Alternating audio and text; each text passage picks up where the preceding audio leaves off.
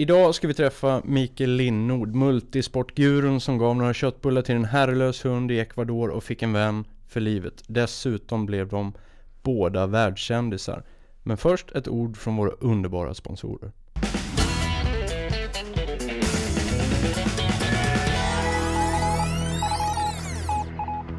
Unika människor presenteras av Compress Sport.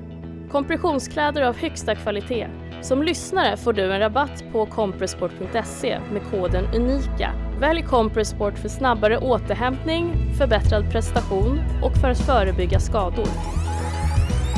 Vitamin Manager.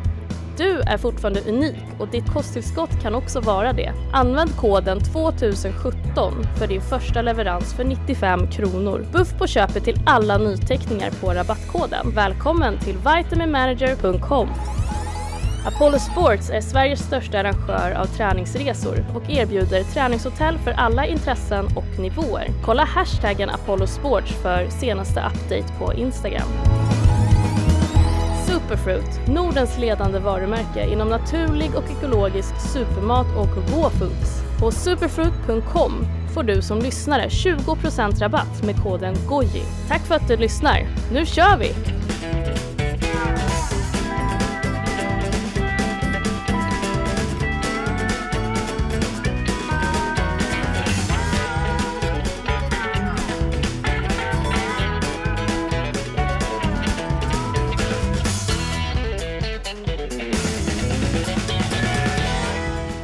Han la multisporten på hyllan våren 2016, 39 år gammal. Då hade han sysslat med multisport i över 20 år. Han hade kört veckolånga tävlingar på nästan alla kontinenter och slitit kroppen under en lång tid. Dessutom hade han hunnit bli pappa till två barn. Beslutet att lägga av kom naturligt. En bidragande orsak kanske var att det som hade hänt ett år tidigare, då Mikels multisportlag fick sällskap av en herrlös hund i Ecuadors djungel, kanske hade något med det här beslutet att göra. Nu har Mikael precis släppt sin bok om hela berättelsen och det pratas om filmmanus och hela skiten. Mikael Linnord är dagens gäst i Unika Människor. Välkommen! Tack, tack. Hur känns presentationen där? Men det känns eh, bra tycker jag. Ja. Ja. Om man lyfter ner hela den här berättelsen så, så är det ju förenklat kan man säga så här. Eh, många har ju hört den här historien. Du gav några köttbullar till en hund i djungeln under en tävling och sen fick du en vän för livet som förändrade faktiskt ditt och din familjs liv på många sätt. Ja, det blev så. Det var ju det var inte menat. Och jag tror därför det blev som det blev. Det var ju det att jag ja, kom in cyklande, stämde i laget och vi skulle ju bara göra ett två timmars byte och jag höll på trycka ner min cykel i cykellådan. Ja, du vet ju de här cyklarna kostar liksom. Men Mm. jag har så mycket, jag har så mycket rubbish i min cykellåda så jag kommer ihåg att jag var vålda ner den. Samtidigt tog jag upp liksom de här, ja det är som specialkäk som, vi, som militären har. Eh, som man vakuumförpackar och sen så kan man liksom med lite membran och så får man det varmt och så. Här, så. Sitter jag och käkar och då ser jag ögonvrån liksom. Eh, den här hunden och jag tänker instinktivt liksom för att han såg riktigt illa ut alltså. Mm. Och jag tänkte kom inte nära liksom. Och jag känner hur han luktar det fräna, sura, söta. Från såren, från ryggen och allting och... Men samtidigt tänker jag... Det finns ju knappast någon som var snäll med honom någonsin så jag tänkte ja... Jag ger honom köttbullar. För det Mm. tycker jag ändå han var värd. På något sätt. Där och då. Och så fortsätter jag mina prylar. Och vi, ju- vi tävlar ju fortfarande. Jag, alla som känner mig vet att jag är en tävlingsmänniska. Och nu var det ju typ två dygn kvar så nu var det spurt time. Mm. Tyckte jag. Så vi sprang ju därifrån. Så vi sprang ikapp eh, eh, Försvarsmaktens team där och följde med dem några kilometer. Det var ju... Det tog ju ganska länge innan man vände bak och tittade bak i pannlampsskenet. För att se om det var något lag som kom precis bakom. Och då, då såg man att det var en hund som hängde med. Men det tog ju liksom, ja det är ju någon timme någonting innan när hunden var tillräckligt nära. Mm. Det var först då jag såg att det var samma hund som jag köttbullarna till. Och jag tänkte vi, vi ska inte ägna jättemycket tid åt hur ni träffades och, och vad som eh, liksom det, det här kan man ju läsa om i din precis nu utgivna bok. Eh, men bara för liksom, var du hundmänniska innan du träffade hunden? Nej. Alltså min... Har du haft hund? Nej. Nej. Min, eh, min, min fru, hennes, eh, min svärfar. Han har haft älghundar. Så jag kommer ihåg när vi bodde där när jag var typ i 20-årsåldern. Så då var jag ute och sprang med dem ibland och så här, du vet. Men springa med älghundar liksom, de bara liksom sprang efter viltet liksom. Eh, det var några gånger jag hängde med dem och så jag tyckte det var kul. Mm. Men det var inte mer med än det. Det är den erfarenhet jag har med hundar. Sen vet jag att eh, mamma och pappa hade väl någon katt. eller Jag tror det var grannens katt som hade sprang runt oss. Men det är typ den erfarenheten med djur jag haft. Mm. Ja, spännande. Vi kommer ju beröra det här, för det här, mycket av det här snacket bygger ju kring vad som har hänt sista ett och ett halvt år. Men eh, Mikael, jag vill ändå att vi backar tillbaks bandet lite för att eh, ehm, det är ju faktiskt så att du, du har hållit på med multisport och elitidrott i över 20 års tid. Och du har precis lagt eh, dina skor på hyllan om man säger så och beslutat att eh, skita i det här. Hur känns det?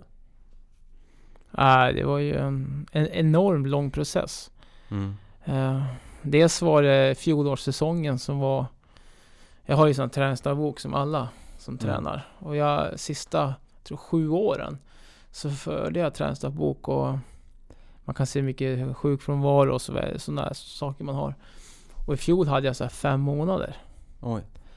Eh, så att hela den där med när vi kom hem med Arthur och allting kring det och media och press från som sponsorer och allt det gjorde liksom att man Plus att man hade småbarn och elittränade också på det. Så det var ju att man var sjuk extremt mycket.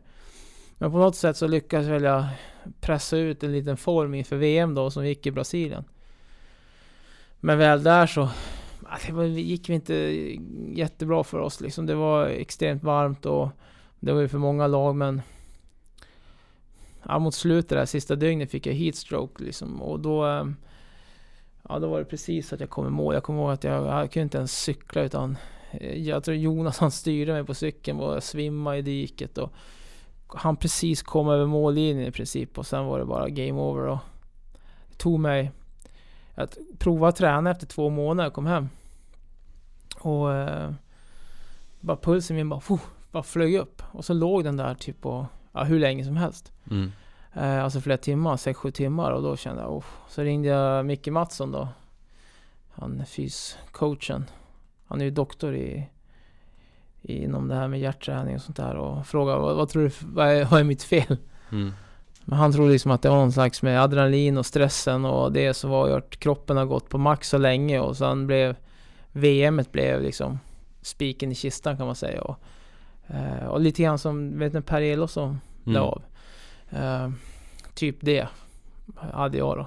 Så det tog mig nu ja, nästan sex månader innan jag kunde, kunde börja träna igen. Och det var bara i somras som jag kunde börja träna igen. Och, och nu har jag tränat liksom, men inte multisport. Nu har jag kört hockey Mm. och liksom gjort en liten sån eh, ja, 40 års krissatsning liksom. Men eh, nej men det har varit jättekul. Men, men eh, det blev liksom spiken i kistan där liksom. Men jag tänker under, under så många år som ni tävlade och, och tränade givetvis men framförallt tävlingarna som ni utsatte kropparna för. Om vi pratar i ditt fall då att det var vi, vi pratar ju inte dagstävlingar, en Ironman är ju lång liksom men vi pratar ju liksom kanske veckotävlingar eller fem dagar eller fyra dagar i sträck där man liksom sover lite, man äter skit, man försöker pressa liksom det här hur, hur, hur mår kroppen? Hur känner du liksom slitage och sådär? Ja, en bra fråga. Jag har haft en hel del skador genom åren. Eh, men eh, axeln strulade sista två åren. Så men nu har jag faktiskt fått till det genom att stretcha och liksom shockwave therapy och allt möjligt. Mm. Men då, då, då, då liksom ilar i armen så fort jag paddlar liksom i princip. Men det kunde man liksom bita ihop lite grann för. Så här, men det jag känner idag nu det är, jag vet inte vad det är, om det är ålderskramp eller någonting. Men när jag går upp ur sängen morgon så tar det säkert en minut innan jag kan börja gå på fötterna riktigt och sen kan jag... Men sen så flyter det på hela dagen men det, det tror jag i och för sig är men, lite men av att man har pressat fötterna vad det gått. Eh, kan du bara hur, hur, bra, hur bra var ni multisport? Du har hållit på i 20 år. Du körde, jag läste någonstans att du körde din första Åre extremtävling 97. Ja. Jag skulle säga så här att, eh, ja, men jag var väl hyfsad eh, från början. Mm. Eh, och sen så, man brukar säga 10 000 timmar. Mm. Eftersom jag då som sagt har haft träningsdagbok så tittade jag igenom det här om dagen bara faktiskt. Och då ja, skissade lite grann att jag tränade inte lika mycket när jag var 20 år. Och, utan det tog ett tag när man kom igång med träningen. Och jag tror någonstans där att jag, när jag hade nådde 10 000 timmar, träningstimmar, det var jag 34. Mm. Då vann jag min första världsserietävling i Costa Rica. Och från det så... Från där, från att från att jag var 34 tills jag var nu kanske 38-39. Där hade jag liksom min peak och Mm. då var man en av de bättre lagen, så var det. Mm. Det som är fascinerande med dig också, för vi, vi har ju känt varandra länge och det som är fascinerande det är att du har ju faktiskt eh, kunnat leva på det här också och levt som elitidrottare och multisportare och det är ju faktiskt ett eh, vad ska man säga, det, det är liksom en fjäder i hatten för att eh, man måste få ihop eh, pengarna och kunna rodda ett lag med resor, med träningsläger, med kajaker och cyklar och allt skit ni behöver liksom. Det är inte bara att liksom spara ihop lite pengar från en vanlig lön och så, så, så löser det här sig utan du har ju faktiskt varit en, en väldigt driven entreprenör i det där också. Hur, eh, hur har du lyckats? Nej men det var liksom varenda sekund av mitt vakna Inte varenda sekund men, men ja, stora delar av mina dagar har gått ut från att hitta lösningar och dels träna själv och men jobba med sponsorer, partners och media. Men jag har ju tyckt det var kul också. Eh, det, det har ju varit en stor del av det jag har gjort och det är också en jag är faktiskt tacksam för nu också, vilket gör att även fast jag lägger av så kan jag fortfarande vara gångbar för näringslivet och media och så vidare. Hade jag bara hållit på idrottat och bara tränat och bara kört mitt liksom. Då tror jag liksom när det väl tar slut, då tar det verkligen slut. Mm. Jag snackade med en, en gammal hockeystjärna, en NHL-proffs. Och han hade bara satsat på hockeyn och när han la av, då var det så här, ja men telefon bara slutade, slutade ringa plötsligt. Ja. Han bara, jag har, jag har inte dött. Liksom. Och jag upplever samma sak. Och jag säger att Alltså processen när man lägger av från hållit på så länge med sånt enormt driv. Hela din kropp driver ju det här. Mm. Man är ju liksom det, man är det, det man sysslar med liksom. Ja. Jag var i Adventure Race. Så det som var, det var ju som en enorm eh, en känsloresa att, att vem är jag nu? Alltså det blir ju som en liten personkris. Eh, även fast man liksom hade familj och även en hund nu som blev väldigt känd och så. Så, så är det fortfarande liksom, man får en enorm, jag, jag kommer ihåg, jag var ute och gick och Alltså när jag väl liksom, hade snackat med lite kompisar innan och så här, hur ska jag göra? Och, och då till slut kom jag fram till, ja men ska man pressa dem sist, något sista år nu och sådär Men så kände jag så här, äh, men jag var ute och gick där och Ja då kände jag bara, för just som VM nu sist alltså, det var, jag har haft några riktiga nära Close calls, jag har ju vurpat liksom från någon klippet, 20 meters klipp, jag vet inte, nu ska jag inte överdriva men 15 år nu i alla fall har gjort någon bakåtvolt och haft tur att landa rätt och varit i utsatta lägen och varit mycket vilda djur runt omkring och med ormar och allt möjligt. Det var riktigt nära alltså. så jag kände liksom en kombination nu när man har barn och så här. Jag, jag kände liksom och nu när jag tävlar också. Jag har aldrig känt det förut. Men det var så att jag liksom kände, nej men alltså jag, jag vill verkligen komma hem till mina barn. Mm. Och det, det upplevde jag när jag väl tävlade, att det störde mitt fokus ganska Mm. mycket. Innan då, när jag tävlade, då är det som när man ställer sig på en startlinje för de här tävlingarna, för det är verkligen där ute och du har ingen, du kan inte, du får ingen hjälp. Det var varje, så gång, varje tävling, jag tror lite grann som, jag har, nu har inte jag varit ute i krig, jag har inte varit och sådär, men typ lite den känslan att det händer inte mig. Det är bara att köra och så får du liksom bära eller brista lite så. Lite Mm. så har jag tävlat. Eh, men nu första gången upplevde jag liksom att jag tyckte inte det var värt det. Jag tyckte inte det var värt att offra livet liksom, eller satsa det, det som krävdes liksom. Och just att, att den här sylvassa skärpan som jag haft när det väl har behövts, Mm. den var svagare. Den, den, den, den, den bleknade bort utifrån den här viljan att komma hem till mina barn igen. Och det var där och då kände jag liksom, nej det, det går inte att hålla på för att jag måste ha den här sylvassa skärpan för att överleva överhuvudtaget. För ibland så kommer man i situationer, alltid någon gång per tävling, där det är liksom, ja, do, Mm. or, do or not do. Genom åren så har ju du alltid agerat någon form av koordinator, lagledare eller eh, arrangör av det här laget. Eh, och det har ju tagit lite olika namn genom åren. Man, man visste liksom inte när man följde er i kanaler och sådär och i media. Så ena året hette ni Adidas, andra året Peak Performance, tredje året AXA. Hur många så här lagkonstellationer? För du har varit väldigt duktig på att ragga sponsorer och alltid fått ihop det liksom. Ja, men jag har ju haft en...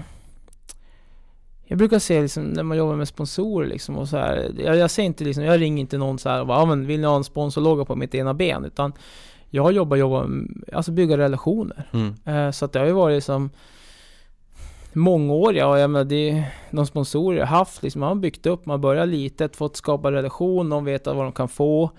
Och sen har man byggt upp någonting som, som, som eh, kanske är större tills det har blivit en huvudsponsorskap och så vidare.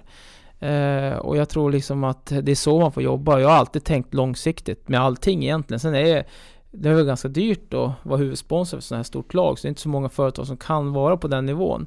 Vilket gör att det har varit två eller tre år med de här stora då. Men sen har jag haft samma partners under många år. Jag menar, min första sponsor jag hade var från 1997. Det var ju hästhandskar.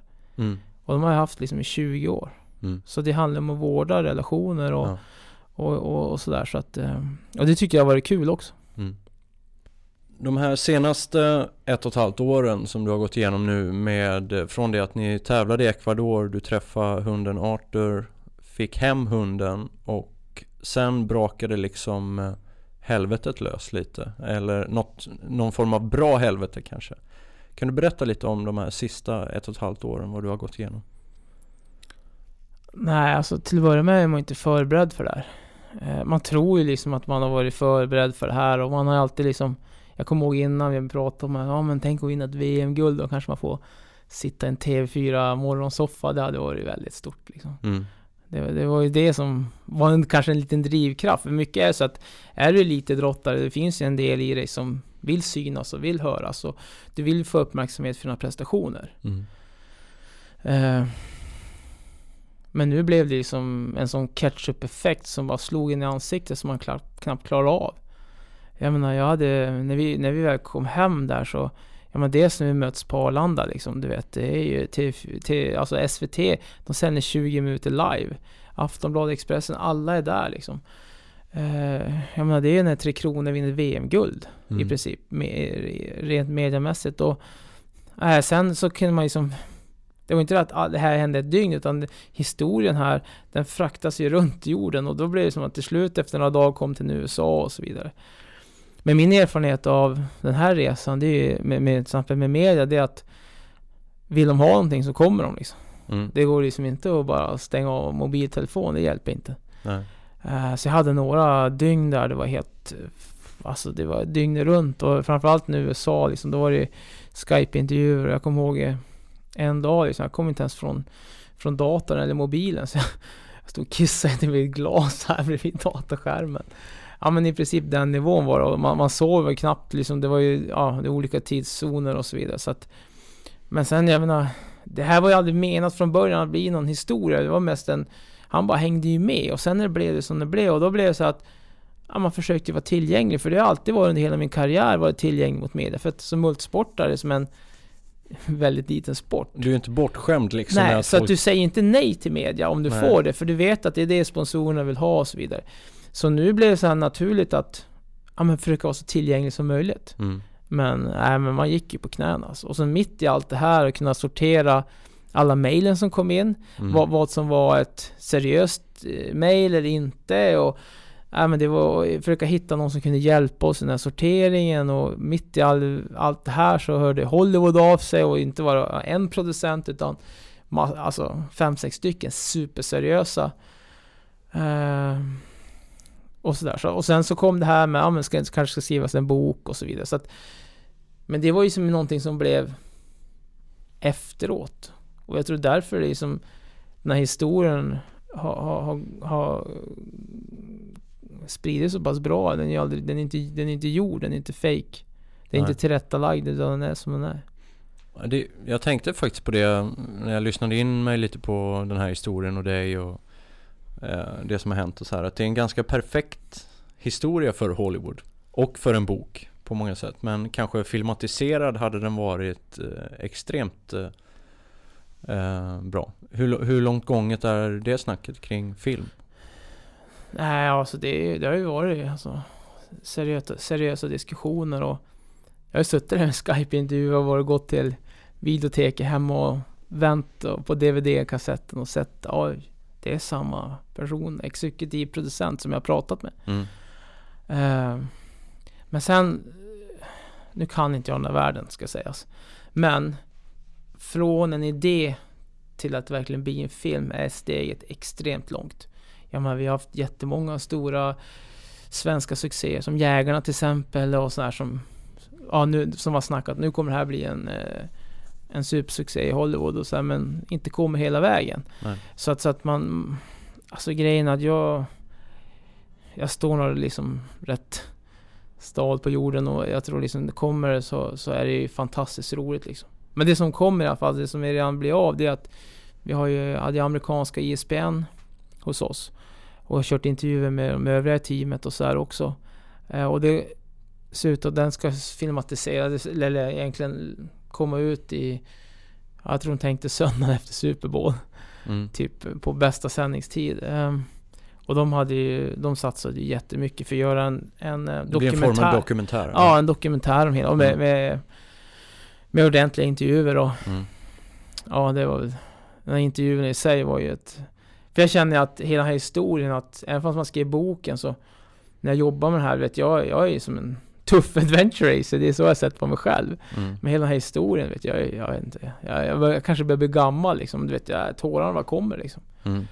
Eh, och jag vet när jag satt i intervjusituationen med ISPN och de hade tagit in han där uh, superjournalisten från USA liksom. Och man började den här klassiska med skavsår på fötterna och allt det där som, som jag haft. Jag menar, jag har varit känd för att jag varit eh, ganska tuff multisportare. Ja, och så ställer han de här frågorna rakt in i själen på mig. Nej, så jag vet inte. Jag satt jag satt där och grinade i, i typ i två timmar, liksom med fyra kameravinklar så här. du vet. Och, du vet, Jag tänkte, ah shit, jag klarar inte ens att hantera det här liksom.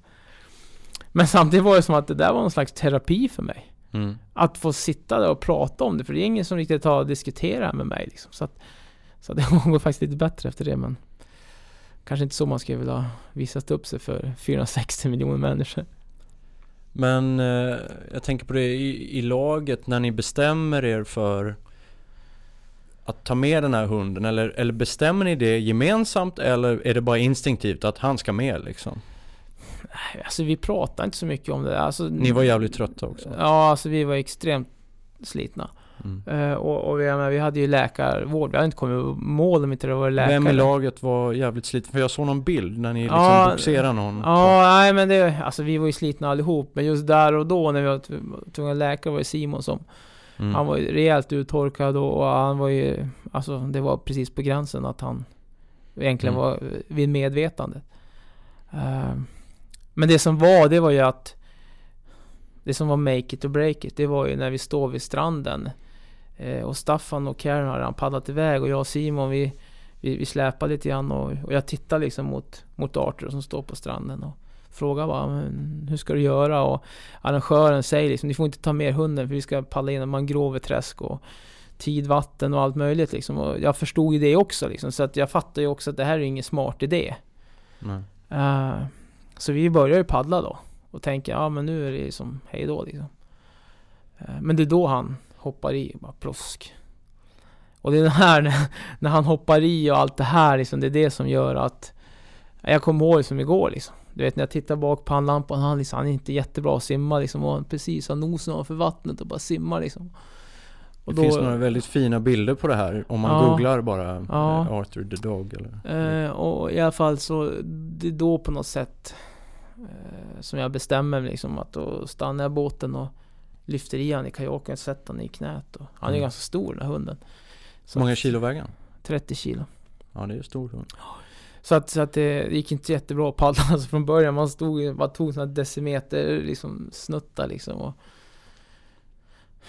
men, nej, men det var ju som ingenting som egentligen vi pratade så mycket om utan det blev som det blev. Men för det, sen när ni eller du bestämmer er för att nej men vi kanske ska behålla den här hunden. Det var ingen snack om att nej men Staffan vill ha den istället? Eller, eller hur, hur liksom hur, började ni, hur resonerade ni där? När kom det, ja, Nej, vi, vi, vi hade faktiskt ett snack borta i Ecuador och då frågade de andra, är det någon som känner att de vill ta hand om Arthur? Nej, då var det alla som hade, och nej, det gick inte med jobb och skola, alltså sådär så att, och jag, jag kände ju, nej men jag, jag ska, för då visste vi inte ens om det här skulle funka. nej, Eh, men jag, jag sa det, nej men jag, jag vill jättegärna ha med honom liksom. Mm. Eh, och det var då det här jobbet egentligen, det som är på riktigt. mm, Det jag först tävlade i sex dygn och så sov vi en natt och efter de här tävlingarna, man, det bara svetten bara rinner och man är helt plaskblöt liksom. Ja men du vet, du har ju kört de här tävlingarna, du vet ju hur kroppen reagerar och Och sen efter det så var det ju fyra fulla dygn innan vi skulle åka. Eh, eh, och då, det var då jag bestämde, det var då jag körde liksom. Du vet, jag bara gasade liksom. Och liksom, jag, jag sket i prylarna och allting. Liksom, jag bara mm, kan kasta bort dem. Jag ska, jag ska, ge- för jag kände så här, han hade liksom Han satsade ju vad han kunde, mm, vovven liksom. Och jag upplevde liksom när vi bara gick där i den här byn hur liksom hur folk ville sparka på honom när det kom Mm. nära restauranger. Så jag kände att det här är inte rätt. Och så först tänkte jag så här, "Ja, men vi tar honom till veterinär och tar honom tillbaka till den by han kommer ifrån. just Men då tänkte jag så här, ja men... ah, Alltså, så mycket som han satsade. Vi sprang ändå därifrån, det får man inte glömma bort också. Ändå ville han därifrån och hänga med oss och sen var han en i gänget liksom. Och då kändes det, nej men han vill ju inte tillbaka. Men samtidigt var det som att jag hade inte ens tänkt tanken att man ens kan adoptera en hund. Jag menar, jag har haft gatuhundar runt mig i många tävlingar under många års tid liksom. Men aldrig någon som har blivit så här. Så den där kopplingen, alltså, det, alltså jag vet inte. Alltså no, någonting, vi, vi fick ju något nå band där oss emellan också. Det är väl jag som gav honom den maten från början. Jag vet inte om det gjorde så stor inverkan och så här, men han är ju extremt liksom nu när vi kom hem, han är väldigt så här, familjehund liksom. mm, Både med båda barnen och så här och, och Helena liksom. Men, men jag menar, du skulle inte kunna gå med han i koppel. Han skulle bara skaka av sig det och sen gå Mm. han hem. Nej men det är ju jättemånga som har provat. Det är, det är, jag har, det är några stycken som kan. Robban som jag tränar med ibland som jag sprungit mycket med och mormor och morfar, that's it. Men när ni var där i Ecuador så vet jag att för då när det brakade lös lite då startade ni någon form av crowdfunding för att få hem han helt enkelt. För, för det här var ju en kostsam historia. Ja men vi hade ju inga pengar kvar. Nej. Vi hade satsat varenda krona. Ja, men det är så det var för mig och Helena. Vi har drivit det här ganska stora budgetar men slutet på året när det är VM och dags jag menar, vi har ju gått för VM-guld så liksom det har inte varit en enda krona kvar på kontot utan det är precis att man Mm. kommer dit och hem. Och sen får man ju liksom överleva till nästa år när, det, när man kommer på en ny kula liksom med sponsorer. Så att vi hade ju som inga pengar alls. Vi hade, in, vi hade inte råd. Nej. Eh, så var då jag kontaktade liksom både Expressen och Aftonbladet som initiativt, initialt var väldigt på det här. Mm. Eh, och då sa de liksom, nej men det är klart vi kan lägga upp det här och det var tack vare att det spann igång men då gick även Peak Performance in och sa vi tar det vi tar resten liksom. Och det var Ja. det som gjorde att vi ens kunde ens få hem han. Så samtidigt som vi var tvungna att äska pengar för att få hem han så var det liksom alla tillstånden och allting så det var ju extremt mycket turbulens plus all media som försökte få tag på en också. Men vid det här laget så alla i, alla i teamet hjälpte till eh, mer eller mindre med någonting. Eh, Eller var, var liksom, hur, satt du dygnet runt och Helena var med förstår jag? Ja, Helena var ju hemma. Så att Hon var hemma, Ja, okej. så hon skötte liksom logistiken kring det och försökte vara så till, tillmötesgående som möjligt mot all media som ville ha alla möjliga intervjuer och så här. Men, eh, ja, men det var väl det var väl mest jag som körde liksom, du vet. För vi var ju slitna allihopa och, och jag körde vad det gick och jag kommer ihåg jag, jag käkade knappt någonting utan det bara, jag hann ju inte. Nej. Utan jag bara körde och det var mest Christer, fotografen och han och jag som körde egentligen inte. Eh, och sen fick vi, jag, jag, kommer ihåg Staffan fixade mina grejer och sådär så det var ju jäkligt schysst och sådär. Men sen när man frisknade till när vi var i Quito så, så hjälptes vi till lite grann sådär men, men Ja, så man kan väl säga att det var en liten team effort men Ja. ehm, Dels var det många som hemma vid som hjälpte till också och, och sådär också så att det var ju en Det var ju många som hjälpte till kan man säga. Det är ju inte bara en Mikael Lindholm one, one man show det här utan det här var ju som ett, ett teamprojekt. När växte den här idén om boken fram? Var, var det naturligt att, att skriva en bok om det här? Kontaktade Forum dig och sa att ska du inte... Hur nej, nej, nej, alltså det tog ju ganska länge. Alltså vi blev kontaktade med massa möjliga olika förslag och, och sådär. Och, och, men det här var ju någonting som tog ganska lång tid och det var ju vi visste inte ens vad ska vi göra av det här. Vi förstod liksom att det här kanske blir en bra grej. Liksom. Eller, alltså det blev, eller bra grej. Det var så många som hörde av sig så att det blev nästan så här naturligt att ja, men ni måste skriva en bok om det här. Ni måste skriva en film. Och när folk säger, eller gör en film, när folk initialt säger till mig och säger nej, nej men alltså det här går inte att skriva en story. Det här går inte, tänker jag då. Så det går ju ganska länge, liksom ett halvår säkert alla gånger innan innan liksom innan ens eh, på tal om det hela utan och sen visste man ju inte, han, han var i karantän fyra månader också liksom och det är inte så att Var någonstans var han i karantän? här var här i Stockholm då. Ja. Eh, Fick ni hälsa på honom? Och... Ja, Ja. alltså inte för mycket ska man göra utan det var lite mera Ja vi försökte så mycket vi, kun, vi, vi kunde få ihop det liksom men Sen var det, jag tror också att karantän var bra både för För Arthur och mig också tror jag men, men framförallt Arthur för nu fick han ju daglig veterinärhjälp Mm. Han var ju rejält sliten och såren på ryggen läkte, det tog ju nästan två och en halv månad innan det sista läkte ihop på ryggen och Mm.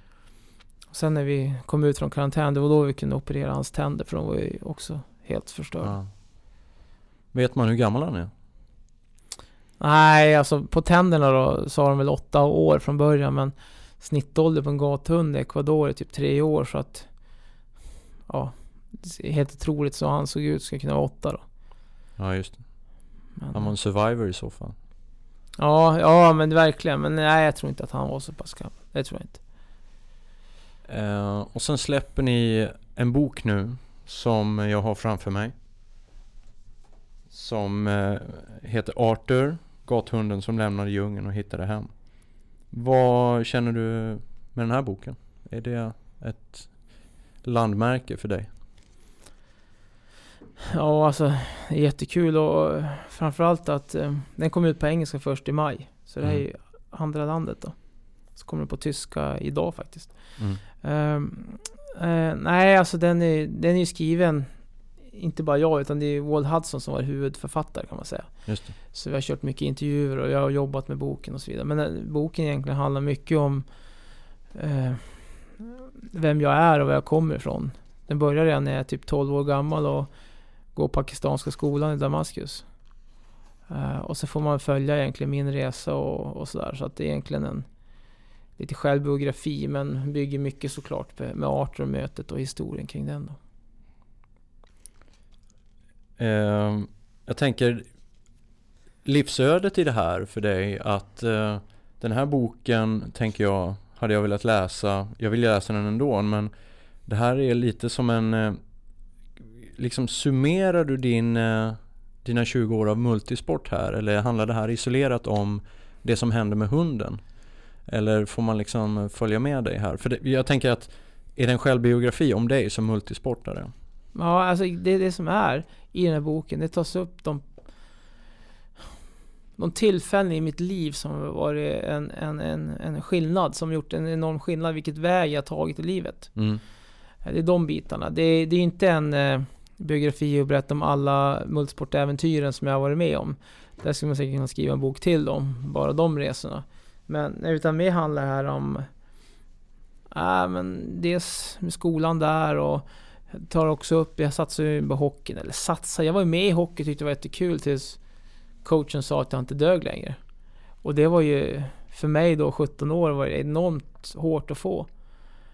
Men jag tror att det var Alltså så här, när jag tittar tillbaka till det var, det var det nog ganska bra att jag fick det. För jag, jag, det tog mig något år att återhämta mig kring det där. Och, och först när jag gjorde lumpen som jag, in, som jag upptäckte att jag hade en talang hålla på länge. Mm. Och liksom, ja men, bi- kunde bita ihop och... och Var gjorde du lumpen någonstans? Ja, uppe i Kiruna som Lapplandsjägare. Mm. Så jag var kompanibefäl. Men, men det var där jag upptäckte att jag hade talang för det här. Du vet. Mm. Jag- Innan var jag ju som en nobody och i, i princip var en 18 gubbe i hockeylaget. Mm. Så att liksom självförtroende för Mikael Linnord eh, 17-18 ska rycka in i lumpen i januari i Kiruna är inte speciellt högt. För jag var inte speciellt bra på någonting. Eh, Vad hade du för livsutsikt där efter lumpen? Vad tänkte du då att du ska bli multisport nästa 20 åren? Nej, nej, nej. Jag, Multisportproffs? nej, absolut. Jag tänkte ju bli officer där ett tag och, och sådär. Hade några planer på det. Och, men jag fick köra, det var stort på den tiden, Kebnekaise Classic, en sån här. Just det. Eh, Den har faktiskt börjat komma tillbaka nu igen då, men det tyckte jag var jättekul. Och då vet jag att arrangören från Erik Ahlström, som Mm. du känner, han skulle då tillsammans med eh, James Vennemore arrangera den första multisporttävlingen 1997, Åre Extreme Challenge. Och då träffas vi där på banketten och han bara, ja men jag ska köra den här grejen. Ja men jag bara, som alla andra säger idag, men jag kan inte paddla kajak. Jo men då är flera, jag tror det är april, då. du har ju typ tre månader på dig att lära dig. Och jag bara, ah, men jag gick ner till kajakklubben och började träna liksom. Och sen körde jag första tävlingen. Och när jag körde första tävlingen där, det gick inte speciellt bra. Jag tror jag blev så här nia. Jag tror jag kanske var 13 med och jag, jag blev nia typ nästan sist. Men jag bara, ah, det var så kul. Jag bara kände, det här, det här, det är här jag ska hålla på med. Mm. Eh, och det var där någonstans jag började träna och så här, och sen så Men sen var det som att man, jag tränade ju sen, jag hade ju liksom ingen utbildning, det var ingen som coachade, det fanns ju inga coacher för sånt där på den tiden. Så det tog ju ganska länge innan jag fick det här breaket. När jag verkligen liksom höjde med en, en trappa. Eh, och det var ju när vi gjorde de här testerna på GH. Eh, där de testade multisportar och allting. Och då och då fick jag träningstips av, av både Jonas och Micke då. Ehm, och börja köra intervaller, det hade jag aldrig gjort. Det behöver inte jag. Jag kan ju det här bäst. Jag har hållit på längst. Och det var det resonemanget man hade liksom. Men eh, gjorde massa tester och då, och då bara blev det så att då höjde jag mig liksom. Ja, men då har jag gjort VO2 max test liksom. Höjde jag mig 5-6 deciliter bara direkt. Och det var lite det jag behövde, en spark i, i rumpan liksom. Och sen så höjde jag mig och då kunde jag komma in i ja, ja, yttersta eliten sen då. När skulle du säga nådde du liksom breaket resultatmässigt? Att du började känna att fasen jag kan nog Jag kanske skulle kunna leva på det här. Fixa sponsorer och När var liksom första stora genomslaget tycker du? Ja, men det var nog någonstans där 2010 när vi vann världsserien i Mm. Cost- Costa Rica. Och, men innan dess, jag har ju kombinerat liksom med massa event. Jag arrangerar VM själv, jag har varit med körde Explore Sweden i världsserien, vi har gjort massa event för sponsorer och partners och sådär. Så jag har gjort många sådana grejer, men det var då någonstans kolla om inte det bara gick att köra fullt ut och bara vara adventure racer. Så sista åren, det var det man gjorde. Man kanske gjorde något sån här sidogrej, men inga stora grejer, utan mest bara satsa på sporten. Och då fick man ju resultat därefter också. Mm. Okej, Okej, så nu är boken ute och eh, du var på bokmässan eh, förra veckan. Eller för två veckor sedan. Eh, och fick... Eh, sen innan du kom till den här intervjun så tipsade du mig om att lyssna på Alex och Sigges podd bara för att eh, lyssna in mig lite på eh, vad de sa om det här. För övrigt två pajasar som sitter och poddar om saker som ingen egentligen vill veta något om. Men skit i det. Eh, och jag lyssnade på det där och garvade lite och så här. Um, det, ni kan ju lyssna på det avsnittet, det heter Mumifierad. 20 minuter in ungefär så börjar de eh, raljera då om eh, Mikael och Arthurs eh, närvaro på bokmässan och att de stal showen egentligen från de här två pajasarna då, eller framförallt Alex. Vad tänker du om hela den sågningen? Nej, alltså... Jag, jag förstår ju det här. Alltså, här, jag är ju, alltså då, bokmässan är extremt stor tillfälle. Det är ju som ett, för mig, VM. Mm. Att man satsar allting för det här och det är ju bokmässan. Jag vet att alla bokförlag satsar ju miljoner. Mm. För att det ska vara bra montrar, bra författare, boken ska ligga i hyllorna och allt det där. Eh, och, och författarna är ju där, det här är deras tid att skina liksom. Och så, kom, så kommer jag och, och Arthur där och liksom och det kommer extremt mycket folk och vill signera och, och sådär. Jag förstår ju liksom att här kommer, jag, men jag vet, jag, jag, jag, jag fattar ju också liksom att det här är den enda gången jag är med på bokmässan. Jag kommer mm. inte ge någon bok, jag kommer inte ut med någon bok som att jag kommer vara med nästa gång, utan det, det är den gången jag kommer med. Det var liksom 2016 jag var med. Mm. Uh, men jag förstår ju de som liksom kommer med ny bok och sådär och vill liksom, ja men jag vill vara stjärnan här. Nu säger inte att vi var stjärnan så, men vi... Det var ju mycket snack om oss och sådär så att... Uh, men jag förstår ju liksom att uh, det kan ju bli lite... Stackars kultureliten tänker jag, som fick se sig brädad av en hund och en kille från sportvärlden. Ja, men lite så är det. Men det här, jag menar, det finns ju en, en annan talkshow, en Breaking News med Filip och Fredrik. Mm. De hade också för någon vecka sedan, eh, då var vi punkt två. Och då tog in de en, en litteraturkritiker från Svenska Dagbladet som inte hade läst boken då tydligen. Men ja, hon briljerade, ja men vad är det här någonting ens att skriva bok om? Och hennes summa summarum var i princip att ja men idrottskillar, kan inte ni bara ja, hålla på med idrott då? I princip.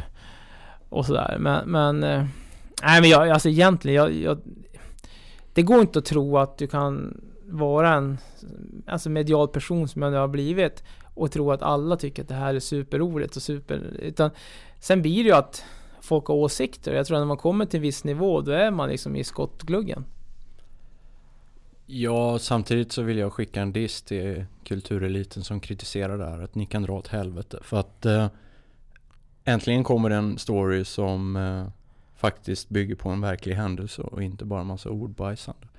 Ja, ja, skit i det. Jag blev bara lite, jag tyckte Ja, det, det, var lite spännande hur Alex resonerade kring det här. Liksom, uppenbarligen så har han ett väldigt stort djurhat också och tycker hundar är äckliga generellt. Och det är ju en väldigt bra ingångspunkt tycker jag då om man ska försöka Jag menar de, de driver ju inte något rimligt resonemang i det här ändå Men han tyckte hunden var äcklig och skällde mycket och så började de liksom bygga någon story om det där um, Och det som, det som var grejen också det är att han, han spelade in när Arthur skäller och det som var grejen Han, han korsar ju med, han, vi har varit i London, vi har ju varit på vaktavlösning på Beckham Palace liksom. Han är ju grym, han bara går mellan benen ungefär som han inte gjort annat. Och han kommer ändå, han är ju en gatuhund, får man inte glömma bort. Han bara går som ingen, ingenting. Vi var på Piccadilly Circus.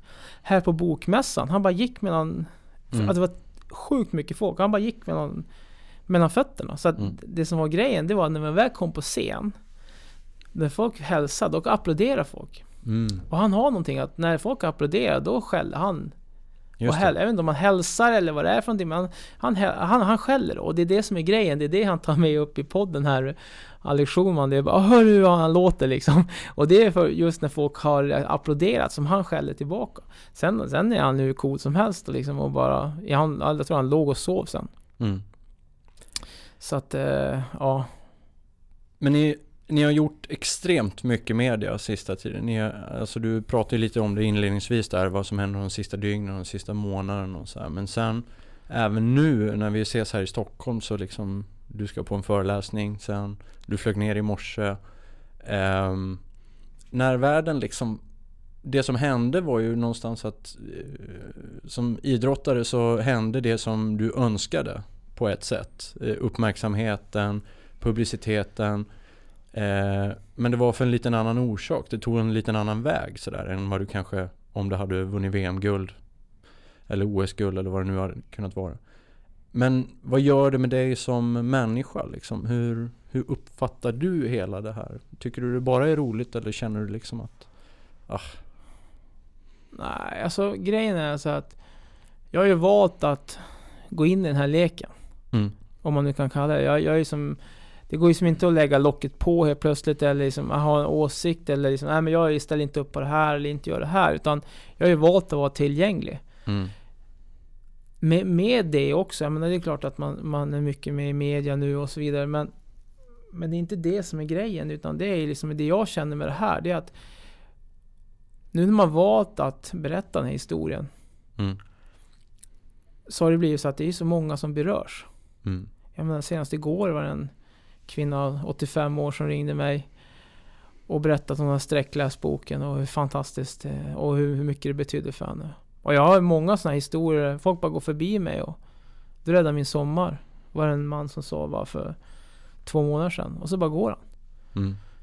Och det är jättemånga som skickar brev och, och, och förklarar liksom hur det här har hjälpt dem genom tuffa perioder i sitt liv och med sina egna djur eller andra livssituationer och, och sådär. Så att jag känner med, med det här historien med Arthur så har det blivit som, det är mycket större än en, än en gathund eller Mikael Linnord. Utan det har blivit någonting Alltså lite, lite mer. Mm. Och framförallt i Ecuador. Där är liksom Jag brukar använda ordet revolution, det kanske är ta i. Men lite så är det att Här fick folk se och att det var någon som satte ner foten att det inte är okej okay att hålla på så här. För det, det, det det handlar om i, i mångt och mycket det här, det är hur djuren och gatuhundarna har så extremt litet värde. Så att de, de är inte värt någonting. Du kan liksom sparka på dem, du kan göra vad du vill. Och det här är någonting som görs dagligen utan att folk ens reagerar på det. Mm. Um, och så kommer vi där och säger, sätter ner foten att det inte är okej, okay, vi tar hem han och han får bo hemma hos oss som en familjehund med all den lyx som egentligen är. Uh, och det är det som har gjort sånt enormt genomslag. Och fortfarande är det nyheter i Ecuador, jag ser några länkar, jag kan ju inte spanska då, men jag ser några länkar och du vet, det är tittarsiffror och det, är, det är som, så det här berör extremt mycket. Uh, så det är därför vi har dessutom öppnat en, eh, en Arthur Foundation då. Uh, där de som går in och satsar, de pengarna går oavkortat nu till Ecuador och Ismael som står med i boken som hjälpte till med mycket pappersjobb där borta. Han har ansvar där borta nu så det vi gör där det är att vi eh, Vi hjälper liksom gatuhundar, framförallt i området där Arthur kommer ifrån. Vi kan inte hjälpa alla, det fattar jag också. Men det visar att vi bryr oss. Mm. Och det kanske och det smittar av. Vi kommer bygga som hundkojor, som det, som det kallas community dog.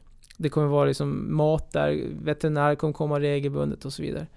Eh, men sen kommer vi också att, att eh, åka ut till skolor och, och egentligen prata om det här och belysa det här. För man måste börja där någonstans. Mm. För det här är ju liksom ett... De, är de ser hur de vuxna har gjort och sen så rinner det ner, men man måste få ett stopp. Mm. Eh, och jag tror utbildning att folk inte riktigt bara har pratat om och lyft den här frågan riktigt ordentligt. Så det kommer vi satsa på. Så att eh, och, och, och det, det, känner jag också liksom, det är mycket större än en, en köttbulle kan man säga. Mm. Och den här eh, fonden då, eller eh, Arthur Foundation, kan man bidra med eh, eh pengar online eller man kan skicka ja, in? Ja, precis. Ja, Arthur, finns någon... Arthurfoundation.org är det ja. Så då kan man vara med och se till och hjälpa till liksom. För det är som sagt. Ser ni liksom vad flöden av eh, pengar och trafik kommer ifrån? Vad är liksom är, för jag, jag, förstår att i USA blev ju det här en ganska stor grej när det, tog, när det tog skruv där. Mm. Så liksom, eh, och det, storyn passar ju väldigt bra för det amerikanska klimatet mm. om man säger så. Alltså, Facebook är fantastiskt. Mm. Jag menar, utan Facebook hade inte, hade inte jag stått och pratat om det ens. Nej. Uh, och sen kan man ju se liksom med statistik, man kan se var folk kommer ifrån och var de kommenterar ifrån och så här. Och det är så fascinerande också där, där de länder som egentligen har mest problem med gatuhundar, det är de länderna som är mest intresserade och mera, de är med, med på det hela. Mm. Jag menar, sen är det ju andra länder som i Europa, där England här, här var en historia för de gillar hundar och gillar sådana här historier. Det var en jättegrej och Tyskland nu och eh, Men sen i Sverige är det egentligen det enda skandinaviska landet som har berört den här nyheten. Mm. USA, jag menar eh, Ja men boken ska, ska ges ut nu på japanska också så, här, så att Det finns liksom olika delar av världen liksom, men det är inte liksom, det är inte alla länder men ändå har gått runt liksom. Det var ganska kul i, i fjol. Så vi tävlade i Swaziland som ligger precis i granne med Sydafrika. Och då kommer jag ihåg att arrangören sa att de hade varit där och rekat och haft möte med kungligheterna där och representanter därifrån och försökt förklara adventure racing, vad det är för någonting och så här. Och, ah, de greppade inte riktigt vad det där skulle vara bra för Swaziland men då förklarar man, ja men det är ett lag här med hunden Arthur. Och då bara, ja ja ja det kommer de ihåg. Och du vet, de har en en tidning i det landet och de, mm. till och med de har belyst den här historien. Liksom.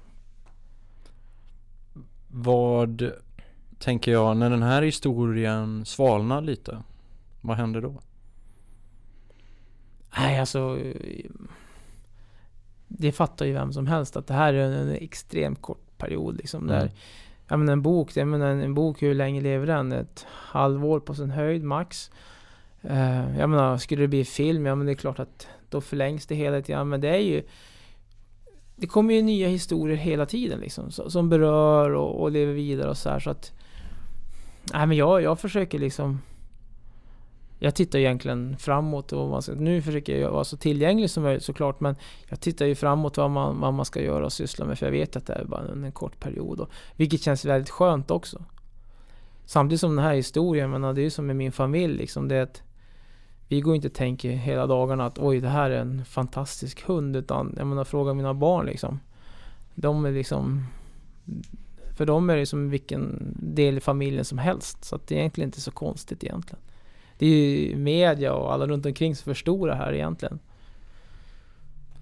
Vad tänker du om framtiden? då? Vad ska du göra framöver nu när du har blivit multisportpensionär som jag läste någonstans? Ja precis, nej men alltså, jag vet inte. Jag skulle vilja ha någon utmaning. Mm. Uh, såklart och någonting att sätta tänderna i. Det är klart vi har lite events här som man kör lite grann men vi har kört det ganska länge så man har ju stenkoll. Det är inte så att man behöver lägga ner alla Mm. ti- timmar på det liksom utan vi får ju se liksom. Jag hade ju, jag var ju sökte ett jobb här för första gången i mitt liv. Ja, jag läste lite om det, kan du berätta? Ja. Nej, alltså. jag kommer från Örnsköldsvik där och då är Modo Hockey, det är den stora klubben och eh, de sökte ny VD. Så då sökte jag faktiskt och jag var på intervjuer och allt det där såklart men, men eh, sen så hade vi varit utomlands och då så då, då, då, då, då öppnade jag telefon bara. Jag tänkte, ja, ska jag öppna telefon? Man var rätt sliten, var utomlands. Vi har gjort eh, ganska mycket jobb för för eh, Apollo Sports då för att göra kartor på, på en destination och så, där. så man var lite så här, man bara lite så här småtrött. Så jag öppnade, men jag, ja, jag öppnade telefonen då för man har ju abstinensen för att Mm. kolla nätet då. Och då ser jag bara, bara det bara slofsar till i min telefon och då har de gått ut, lokalpressen hemma, att jag är nummer två. Mm. Att jag är en av två som det sitter i, att i sista eh, slutet då. Det blir liksom lokalpress på det, så stort är hockeyn där uppe. Ja, ja. Nej, men inte bara det. Nej, men eh, sen blir ju Expressen haka på. Jag tror Svenska Dagbladet körde också på det här. Eh, men nu var det den andra killen som fick det då. Men det var en utmaning som jag tyckte var väldigt kul och där jag också kunnat dra nytta av den erfarenhet jag har lärt mig genom åren med hur man jobbar med sponsorer, partners, media, eh, ja, arbetskraft som är både ideell och anställd och, och sådär. Så att jag, men, men eh, jag kände liksom att Mo- Modo skulle behövt mig. Mm. En ny flex som kanske, eh, frisk flex som kanske tittar från ett annat sätt. Jag menar, jag har ju tänkt utanför boxen under hela min karriär. Mm. Jag menar, skulle någon säga till mig för 20 år sedan att du vet, du kan ha lika stora sponsorer som Modo Hockey har. Ja. Fast på ditt team som är fem pers. Då har jag inte trott på dem. Nej. Eh, Men det handlar ju om att se andra vinklar och, och liksom, ja. Det är det det var kreativ. Men det hade varit ett jobb som eh, du gärna ville ha? Ja men det, ja, jag, Mm. men jag stack ut hakan. Det är många som inte vågar säga. Nej. Du vet, det ska vara så hemligt och hysch-pysch och sådär. Och de ringde mig och frågade har du sökt det här jobbet? Jag bara ja, Mm. det har jag gjort. Eh, jag tycker inte det är något konstigt. Sen, jag menar, jag är inte den som, jag menar som elitidrottare. Du sätter ju ut ditt, ditt hjärta varenda startlinje. Du är ju beredd att ta skit om du inte levererar mot sponsorer och så vidare. Ja. Jag menar, det är ju min vardag. Mm. Så att jag menar, eh, jag var ju beredd liksom att få frågorna och jag var också beredd att stå där i hetluften också. Ja, det var jättekul men vi får se, det var, det var, det var en rolig grej. Men sen får vi se liksom vad... Ska ha ett möte nu på, ja, imorgon också. Får vi se vad det hela tar sig men... Men du har, du har ett väldigt stort hjärta i hockey, hockeyn. Ja men jag gillar det. du har liksom eh, Ja. dragit igång någon 40-årskrisssatsning. Ja. Vad spelar du nu? Du, du skrev på Instagram att du signar för något lag. Var liksom... ja, det, det där, ja det är roligt. Ja, men jag känner, jag var inte riktigt klar. och sen hade jag den här våren med rehaben och allting som jag bara... Jag gick upp 20 kilo. Mm. på ett halvår. Och jag, men jag, då säger jag, har du bara ätit kanelbullar? Nej, jag har bara ätit normalt. Men Mm. du vet, under min elitkarriär, då har jag ju som, du vet, som man, man håller sig kort på käket hela tiden. Och nu när jag inte hade någon VM eller något sånt på mig, då åt jag som vanligt. Plus att man liksom hade full show, bara rehabilitering, man tränade ju knappt och så här. Och sen kände jag, ja men... Eh, ja, men hockey vore kul. Jag lirade lite grann i fjol bara för kul med lite gubbhockey och sådär. Och så tänkte jag så här, men hur, hur högt kan man nå? Och vi har ju allsvenskan hemma och vi har division 1 och vi har också division 2-lag som är väldigt, väldigt bra. Eh, och jag ringde dem i somras och bara, får jag provspela? Så då, ja men det kan du få göra. Så jag fick en... Är det vanligt att man som spelare ringer upp? Gör man det? Eller är det bara du? Alltså grejen, det är lite... Det är så jag jobbar. Alltså jag jobbar hela Alltså grejen, jag går inte och väntar på att grejer ska hända. Nej. Utan jag sätter mig själv i förarsätet. Ja. Men sen så, jag sa det till dem också att ja, jag, jag skulle vilja ta en plats i det här laget och jag är beredd att, att slita för det. Och jag vill inte ha en särbehandling bara för att jag heter Mikael Lindnord utan jag vill vara som alla andra och tar jag inte en plats så är det fair. Ni får vara helt öppen, raka rör bara. Jag, jag går över dagen om det ska vara så. Mm. Och jag körde väl sju veckor och till slut så sa de att, de, att jag, fick ta en pla- äh, jag fick en plats. Um, och det känns jättekul. Mm. Och sen när jag väl fick en plats men det är klart att jag drog lite trådar då och fick lite, lite sponsorer och så här så att de får nya tröjor och så här. Men, Men... vad, eh, heter det här laget och vad? Ja, Husum, division 2. Husum division 2. Så ja, Vad placerar de sig i fjol? äh, de brukar ju vinna serien där. Jaha. Men nu öppnar en ny serie som är mycket större, så det är tävlingar i Jämtland och Mm.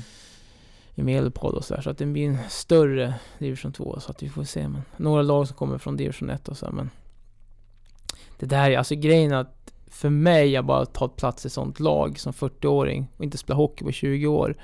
Det var, det var en grej för mig. Jag, menar, jag tränade ju med PT i somras här med, med Modo Hockeygrabbarna och Enström som spelar Winnipeg Jets och lite sådana grabbar.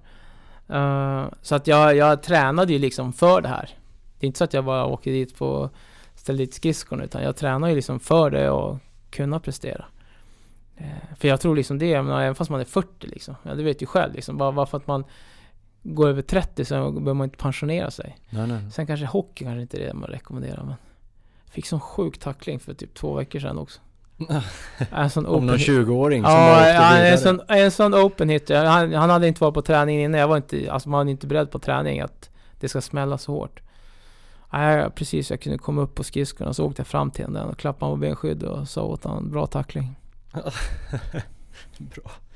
Ja, det var snyggt hanterat.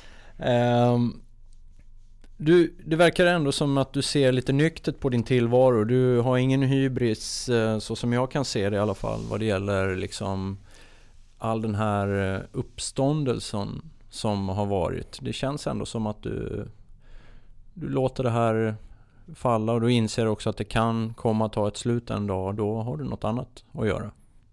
Ja, nej men så är det ju. Jag menar, jag är inte en Alex Schulman som kommer liksom nöta år ut efter det här utan jag är tillgänglig nu och när, när folk vill vi har intervjuer eller så vidare så, så ställer jag upp liksom. Men det är inte så att jag kommer att jaga liksom bara för att ja men nu ska vi fira jul för fjärde gången utan utan det är...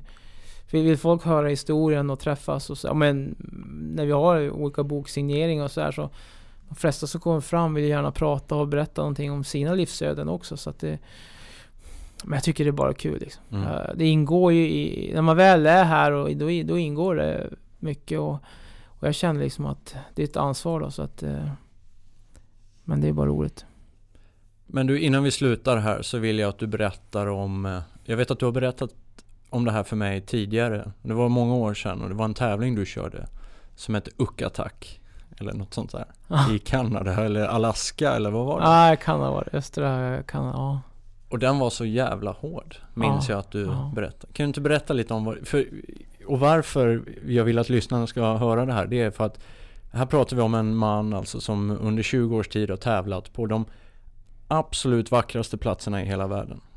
De absolut mest eh, avlägsna platserna eh, Och de Säkert också mest absolut absurda situationerna kan uppstå i ett multisportrace under så här långa dagar och då vet jag att vid något tillfälle så har du berättat om den här tävlingen Uck Attack som var någon konstig eh, vintermultisport som ni körde där du höll på att frysa ihjäl.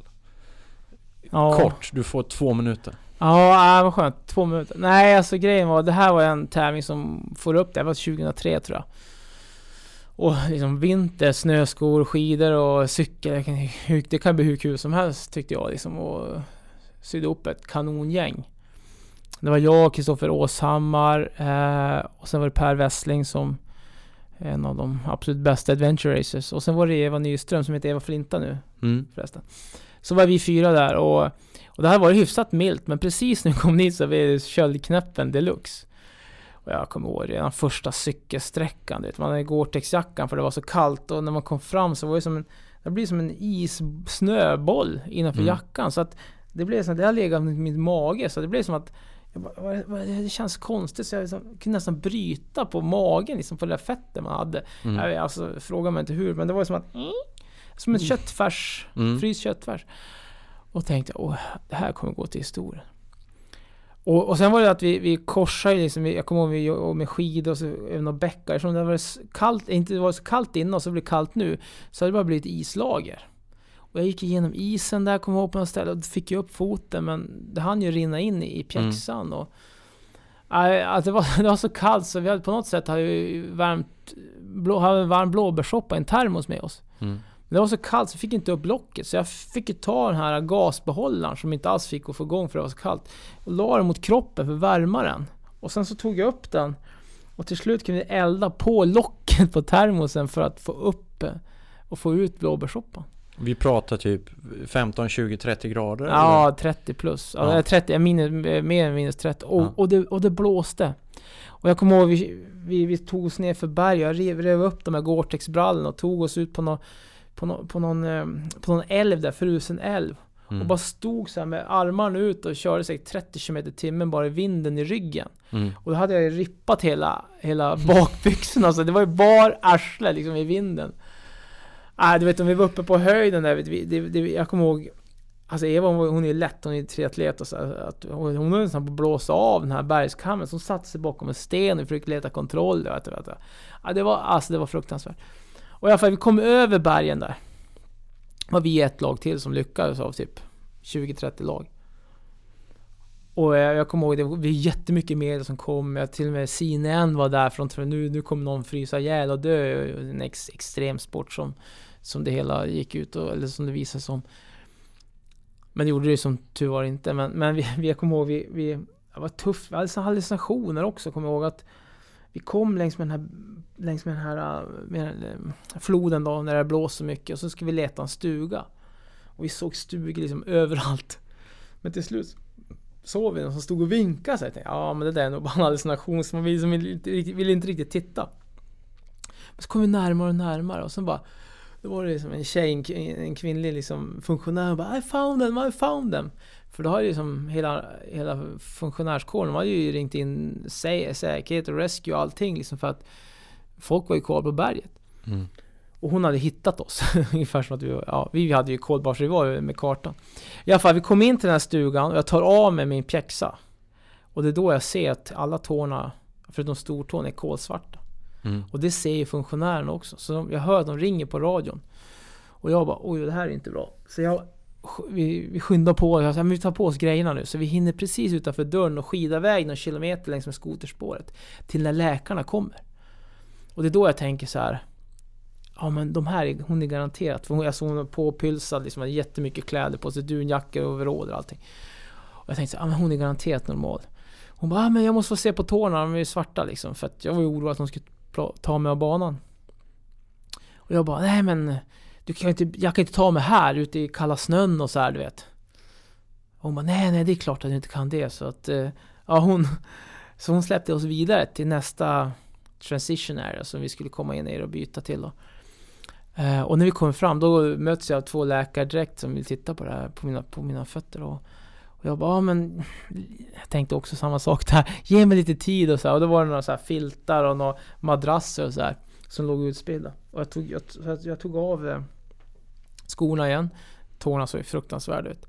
Men då kunde jag liksom kila in tårna under en filt. Och så sa ja men kom och kolla här nu då. Så visade jag upp min fräscha fot. Som inte var som, alltså såg helt okej ut. Mm. Och jag bara, ja men kolla här, det är ju inga konstigheter här. Och de bara, ja nej men det ser ju bra ut. Så fick jag fortsätta. och sen fick jag ju bronkit och frostskador i ansiktet och... Nej alltså du vet, jag fick ju ansträngningsastma där. Mm. Så jag har ju haft det sedan dess. Men vi vann. Men ni vann. Vilken galen tävling. Var det en av de värsta du har kört? Ja, en av dem. Ja, sista nu i Brasilien var ingen lek heller med alla. Vet när vi låg och simmade med cyklarna, sista vi gör där. Simma med cyklarna? Ja, alltså det... Ja, det Allt kan hända liksom. Ja. Vi cyklade, eller vi, vi, vi skulle, alltså det var... Det är ju sådär i det här landet, det är ju som en... Det här var ju ja, jordens största eh, våtmarksområde. Och, och då skulle det vara en stig där, men det var en flod. Så det vi, nu blev man ju så luttrad efter sex dygn. Och bara, ja, ja, slängde i cykeln bara, så simmade vi med. Och när vi simmar där så... så Staffan bara, men vad är det här framme? Det ser ut som ett stort traktordäck som ligger i vattnet. Det är en anakonda. Nej. Och den, den, är, den är bucklig, liksom. han har ju ätit något typ en litet får eller någonting, det ser man ju. Så att han, han angriper. Men hans, hans jag, jag syns förvånad var 10 meter lång. Alltså kroppen var ju som min kropp liksom. Hur känner du då? Känner du bara äta upp mig, jag är så jävla trött ändå? Eller? nej, nej, nej då, då var då tankarna jag fick igen. Nej, nej jag vill inte. Jag vill hem ja, till min nu, familj. ja, nu vill jag hem. nu, nu är jag klar med det här uh, Indiana Jones-andet. Shit. Har, känner du att, eh, har du varit, förutom sådana upplevelser, känner du att du har varit riktigt nära döden någon gång? Ja, jo, men jag vurpade där. Voltade ut bakåt. Då tappade jag greppet. Så jag föll ju bara bakåt. Men det var ju så högt så han ju en hel, dubb, en hel bakåtvolt. Så landade jag på fötterna. Då var jag ganska nära. Och sen i fjol i Chile var också så här läskigt. Vi, klätt, vi klättrade fast oss i mörkret. Och det var så här porös klippa så allting bara, bara rasa för en. Och man bara kände man liksom bara nästan for ut från klipporna. Och jag har kört en del så här fors. Jag vet, vi var i Brasilien och tävlade någon gång och så här, och där har de inte samma säkerhetstänk som övriga världen. Så där är vi forsränt mitt i nätterna. Ja men du hör ju själv liksom. Det finns ju noll... Re- alltså, jag kommer ihåg vi paddlade förbi och så ser man liksom, det var mitt i natten, så ser man liksom den här säkerhetskillen stå och klia sig på stjärten liksom. Och bara, ja vad ska vi göra? Ja. Det är som, du vet. Ni vill ju vinna och framåt. Ja men Ja. lite så, lite så är det. Och man är... Jag var ju, eller är väl, men mest var en obotlig tävlingsmänniska. Men det finns vänner och folk i multisportvärlden som har gått bort också under Ja, jo men, men inte så mycket som, inte så många som man egentligen kan förvänta Nej. sig och tro med tanke på de faror som finns. Mm. Men folk är ju extremt duktiga som håller på med den här sporten. Det är ju, man har ju i princip svart bälte i outdoor-liv liksom. Och Mm. Man kan i princip få ut vatten ur en sten ibland. Men nä- nästan den nivån är ingenting är omöjligt. Man hittar bara lösningar och Mm. hittar så. Men det var ju som på ja, VM sist nu. när Vi skulle gå över bergen och det fanns inget vatten och vi gick ner, turades om och gå ner liksom och se, leta liksom nedanför berget för att komma upp. Det var ju som en timme liksom. Mm. Men nej, det är... Ja, det är en fantastiskt häftig sport. Och jag, jag ångrar inte en sekund av mina 20 år liksom. Men, men jag känner också liksom att jag känner mig klar. Mm. Så någon comeback eh, går, det- går inte, kommer inte komma. Det är inte den sporten man gör comeback i kanske. Ja, det skulle man kunna göra med. Jag känner både mentalt och så att jag, jag, jag är klar liksom. Mm. Jag har gjort mig. Och just att jag har satsat så hårt. Jag menar, jag har i princip aldrig brutit en tävling under 20 år. Mm. Så att eh, det, det har gjort att att när jag ser folk slita på tävling och så här och plåga sig igenom skas och så här. Jag vet hur det känns liksom. Jag, jag har ju gått... Jag har ju vunnit så här Rawhide Award i USA när jag började med tävlingen med rida och jag fick liksom såna skasår i, i, i arslet liksom så att de till slut tejpar med silvertejp och Ja men du vet när du kör intervaller, den här smaken i munnen av järn Den Mm. hade jag liksom, den här smärtan liksom Du vet, det var det sprack där bak och ja, det var fruktansvärt. Jag hade sån här liggande lag som jag tejpade på sadeln bara för att kunna cykla. Mm. Liksom sex dygn av det där, eller när jag tappade ja, hälen i 2012 på VM liksom i Alperna. Första dygnet i princip. Och sen så bara krigade jag mig igenom det i sex dygn liksom du vet. Det, Alltså du har ju några sådana där du kan pressa om du verkligen har det i det men Men, men det, det tär ju liksom Det är ingenting Alltså jag, jag var väl bra på det där Alltså det är min största talang att aldrig ge upp men Jag tror inte att jag har så många till sådana i mig Men om man säger så här, skulle du skicka iväg dina barn på sådana grejer som, sådana tävlingar som du har ställt upp i? När de blir 18, 19, 20?